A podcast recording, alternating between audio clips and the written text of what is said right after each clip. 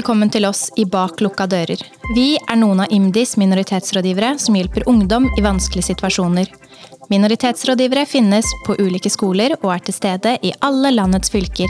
Jeg heter Helene, og med meg har jeg Hero. Azra. Og Bano. Denne podkasten tar opp temaer som ungdom kan kjenne seg igjen i, og som kan oppleves tryggende for noen. Det er viktig at du ikke sitter med vonde tanker og følelser alene. Og husk at det er veldig mange du kan ringe til eller kontakte om du trenger å snakke med en voksen. Dagens gjest er 23 år gamle Råt, et ungt musikktalent som er født og oppvokst på Haugenstua i Oslo. Han bruker erfaring fra sitt liv til å skrive ærlige tekster. Vi er så heldige å ha deg her i studio i dag. Velkommen til oss, Råhatt. Tusen takk for at jeg får være her. Vi har valgt å kalle denne episoden for Kjære bror. Som IMDis minoritetsrådgivere hjelper vi mange gutter som kan stå fast i en dobbeltrolle. De må være lojale mot sine venner for å få respekt, men for å være en god sønn må de leve opp til helt andre forventninger og krav fra familien. I tekstene dine tar du blant annet opp temaer som dette. Hvorfor er dette viktig for deg? Uh, jeg føler det er vel Det er vel viktig for meg å holde ting ekte fordi Fordi ja, dette er en plan jeg har gjerne lyst til å gjennomføre, gjennomføre ut hele livet. Og hvis jeg skal det, så må alt være en åpen bok, og folk må kunne vite hva som kommer og har vært. Og egentlig basically sette alle kortene på bordet. da. Så jeg tror det er en veldig viktig nøkkel innenfor det jeg gjør. Hvis du har for den drømmen jeg har da å synge og musikk og forklare livet mitt gjennom musikken, så har jeg da den muligheten til å forklare det gjennom der.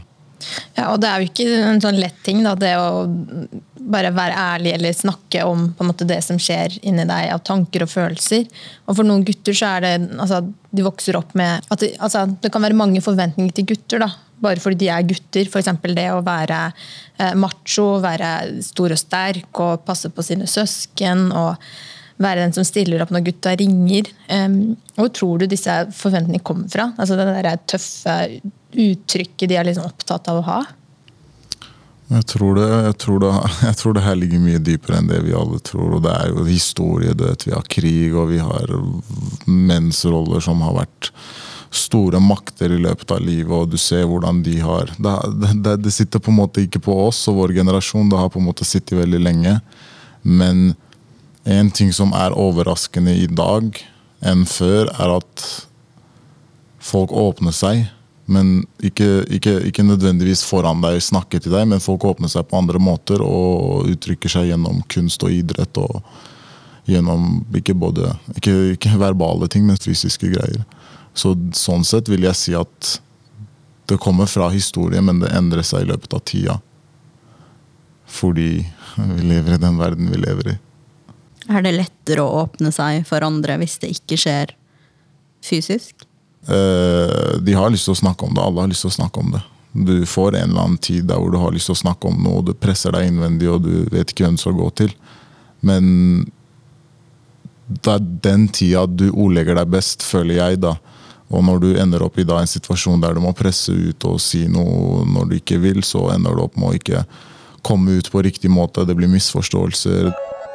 Visste du at alle mennesker går som regel gjennom noe tøft i livet, og mange tror at kjipe ting blir verre når vi snakker om det. For de fleste kan det være en lettelse å dele vanskelige ting med en man stoler på. Du sier at man kommer liksom til et punkt der man vil dele, eller alle vil dele. Men hva er det som skal til for at man skal kunne dele? Jeg tror, jeg tror det som skal til, er at du må være veldig tålmodig og vente til det riktige tidspunktet der den personen ønsker å dele akkurat der og da. Og være der til den tiden. Jeg tror det er det viktigste, tror jeg. For du kan aldri presse det ut av noen, og du kan aldri, du kan aldri tvinge noen til å si noe de ikke vil. Vil du si at vi kanskje spør hverandre for lite? Ja. Ja. Veldig. Jeg spør alle hele tida. Fordi jeg føler folk spør for lite. Jeg skulle ønske folk spurte meg like mye som jeg spurte dem. Men eh, sånn er det ikke bare. Men hvorfor spør vi ikke hverandre mer? Eh, jeg tror det ligger på litt sånn derre eh, hvert fall nå de siste tider etter korona sånn, så har folk vært litt mer sånn bare Holde seg til seg selv og ikke dele hva de gjør. Og hvis de skal dele noe, så er det noe å skryte av. du vet. Så det har blitt på en måte veldig mm, Hva heter det? Jeg vet ikke hva det heter. Eh, når folk deler seg og separerer seg. Er? Isolerer seg, eller nei? Nei, de har på en måte tatt avstand på den måten av at de har både isolert livet sitt fra andre, samtidig som ja, de utgir seg for å være litt andre enn det de egentlig er. At vi portre, Fasade, portrerer men- du, ja, kanskje, ja de, har en, de har en fasade foran seg. Det er det. Mm. De har denne veggen som viser noe annet da, enn det de faktisk er. Så det tror jeg har blitt en veldig skummel greie. da. Nå i hvert fall de siste årene. Og akkurat det perfekte uttrykket det kan både voksne som unge falle for. ikke sant? Det er noe vi ser alle sliter med. Ja, Også ungdom som vi jobber med. Alle, Mm. basically. Så gå bak fasaden. Gå bak fasaden. Se hva som ligger bak der. Visste du at det fins egne hjelpetilbud for gutter? Om du har det vanskelig og trenger noen å snakke med, kan du kontakte helsestasjonen for gutter, krisesenter eller Reform, som er ressurssenter for menn. Reform har en egen mannstelefon der du kan ringe eller chatte. Alle disse tilbudene er gratis, og du kan selv velge om du ønsker å være anonym. Statistikken viser at eh, gutter og menn de topper lister for bl.a. selvmord, um, kriminalitet, skoledropouts. Sant? Dårlig statistikk. Ja. I tillegg så er det færre gutter som tar kontakt med hjelpeapparatet. eh, I, I motsetning til jenter. Og det er noe vi også ser i vårt arbeid, at det er flere jenter som tar kontakt med oss enn gutter. Hvorfor tror du det er sånn at guttene ikke tar kontakt når hjelpen er der? Jeg tror, jeg tror, jeg skal ikke si at jeg vet, men jeg tror på den måten av at Som vi gikk inn på litt i stad, at de har denne selvstendige innstillingen som gjør noe med at de må kunne greie ting selv. Og grunnen til at de mest sannsynlig ikke tar i bruk de hjelpemidlene vi har, er kanskje fordi de ikke er så godt kjent med det. At de ikke, ikke har hørt noen tatt i bruk det før. At de ser at det ikke er en vanlig greie, og at det virker litt rart da, å ta kontakt og hjelpe seg selv. På selv om det høres veldig rart ut, at det å hjelpe seg selv er rart. Eh, men jeg tror det er på en måte det, og istedenfor å ta tak i seg selv, så tar de tak i andre eh, for alt annet. Eh, når det kommer til da kriminalitet og da skole, og de velger å putte fokuset på alt annet enn seg selv, basically. Og Men er det, er det en forventning, da, sånn som du var litt inne på, med, med at gutter skal klare seg sjøl? At det liksom, det er det som gjør det vanskelig å be om hjelp? Ja, det kommer vel fra det å være en bror. Det kommer vel fra det å være en far. Det kommer vel fra det å være en onkel. Til. Det, det, det, er, det ligger bak. Kalle Kallenavna på alle disse rollene er onkel, far og bror. Det har på en måte en litt sånn der 'jeg skal hjelpe deg'-vibe på seg i alle ord.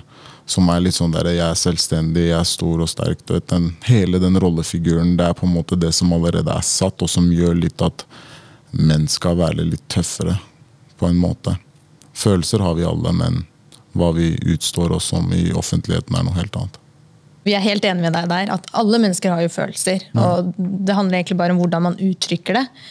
eh, Og når man er klar for å uttrykke det. Eh, Men hva er det som gjør at du tør å være så åpen om det?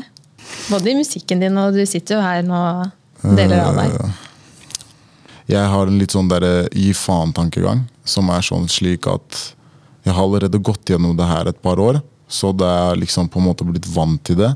Av at både folk skal snakke, av at folk skal gjøre ting som jeg misliker. Og så tror jeg det er fordi jeg har vokst opp med to søstre og en mor. du vet.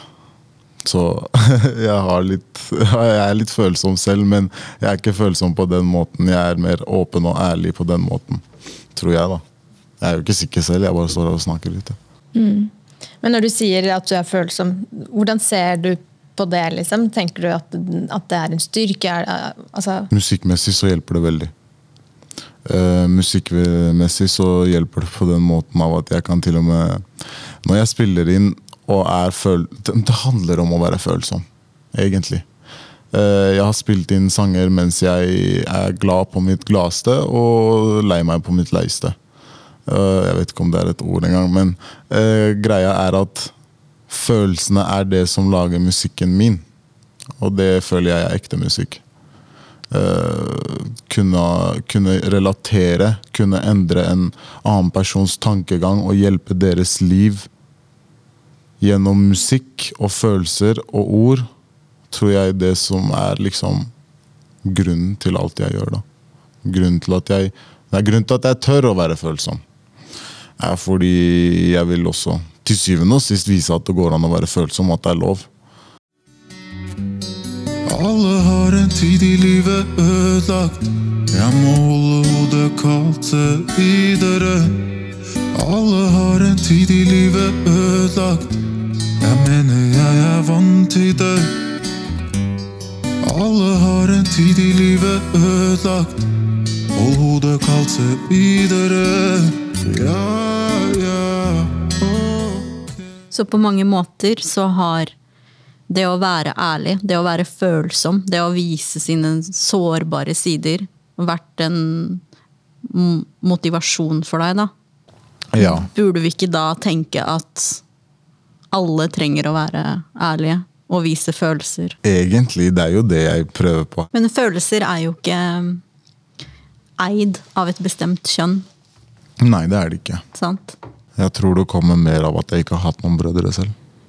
Sånn egne brødre. Eh, Jeg vokste jo opp med to eldre søstre, min mor og min far.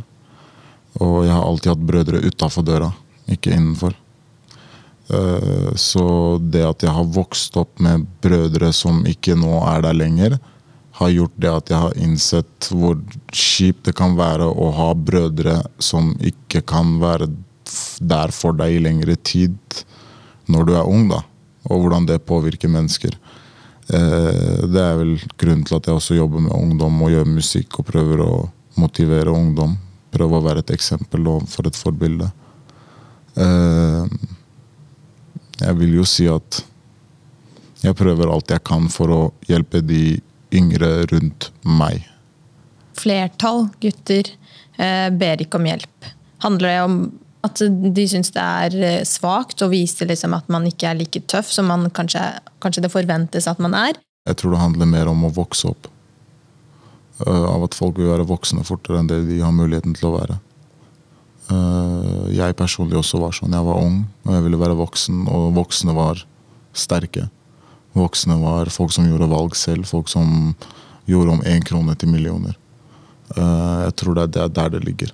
Og kanskje det er press fra de forskjellige sidene eh, om at man ikke skal be om hjelp. For noen ting skal holdes innenfor eh, the bro code, eller innenfor familiens vegger. da. Eh, har du noen tanker om det? Akkurat det du snakker om der, handler tror jeg mest om å pendle mellom forskjellige verdener. Eh, være, leve faktisk to forskjellige liv. Eh, leve et liv ute og leve et liv inne. Eh, det handler ikke om å, om å fortelle, ikke fortelle ting til forskjellige verdener, men det handler mer om å separere det for sitt eget beste, så de ikke kolliderer. Eh, det var veldig bra sagt, jeg vet, jeg vet ikke hvordan jeg sa det. Er du en person som ikke fokuserer på det andre og bare holder deg til den ene verden som familie, som jeg vet om mange gjør, så er det enklere da å være åpen og ærlig med hva du gjør ute, for da er det også relatert til det som skjer hjemme. Eh, Da er det plutselig ikke to forskjellige verdener. Men eh, det er mange som pendler mellom mange forskjellige verdener, som gjør det vanskelig for dem å separere det og balansere det. da. Visste du at IMDis minoritetsrådgivere har taushetsplikt? Det betyr at vi ikke kan dele det du sier til noen uten at du er enig i at informasjonen kan deles. Med mindre liv og helse står i fare. Hva er ditt budskap til eh, disse brødrene der ute? budskapet til min kjære bror har vært det samme ganske lenge nå. Eh, men det er eh, like enkelt som å tro på seg selv. Det er mange brødre som mister seg selv der ute. Det er veldig tøft. Mange tester, mange hindre, mange mennesker. Men våre brødre må vite at det er kun, kun dem. Kun dem og den de ser i speilet, som eh, faktisk kan gjøre en endring for både deg selv og andre rundt deg.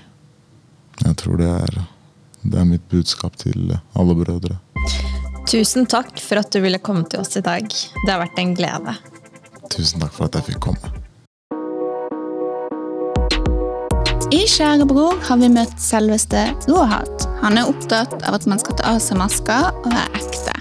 Det er noe han bruker som en styrke når han både skriver og lager musikk.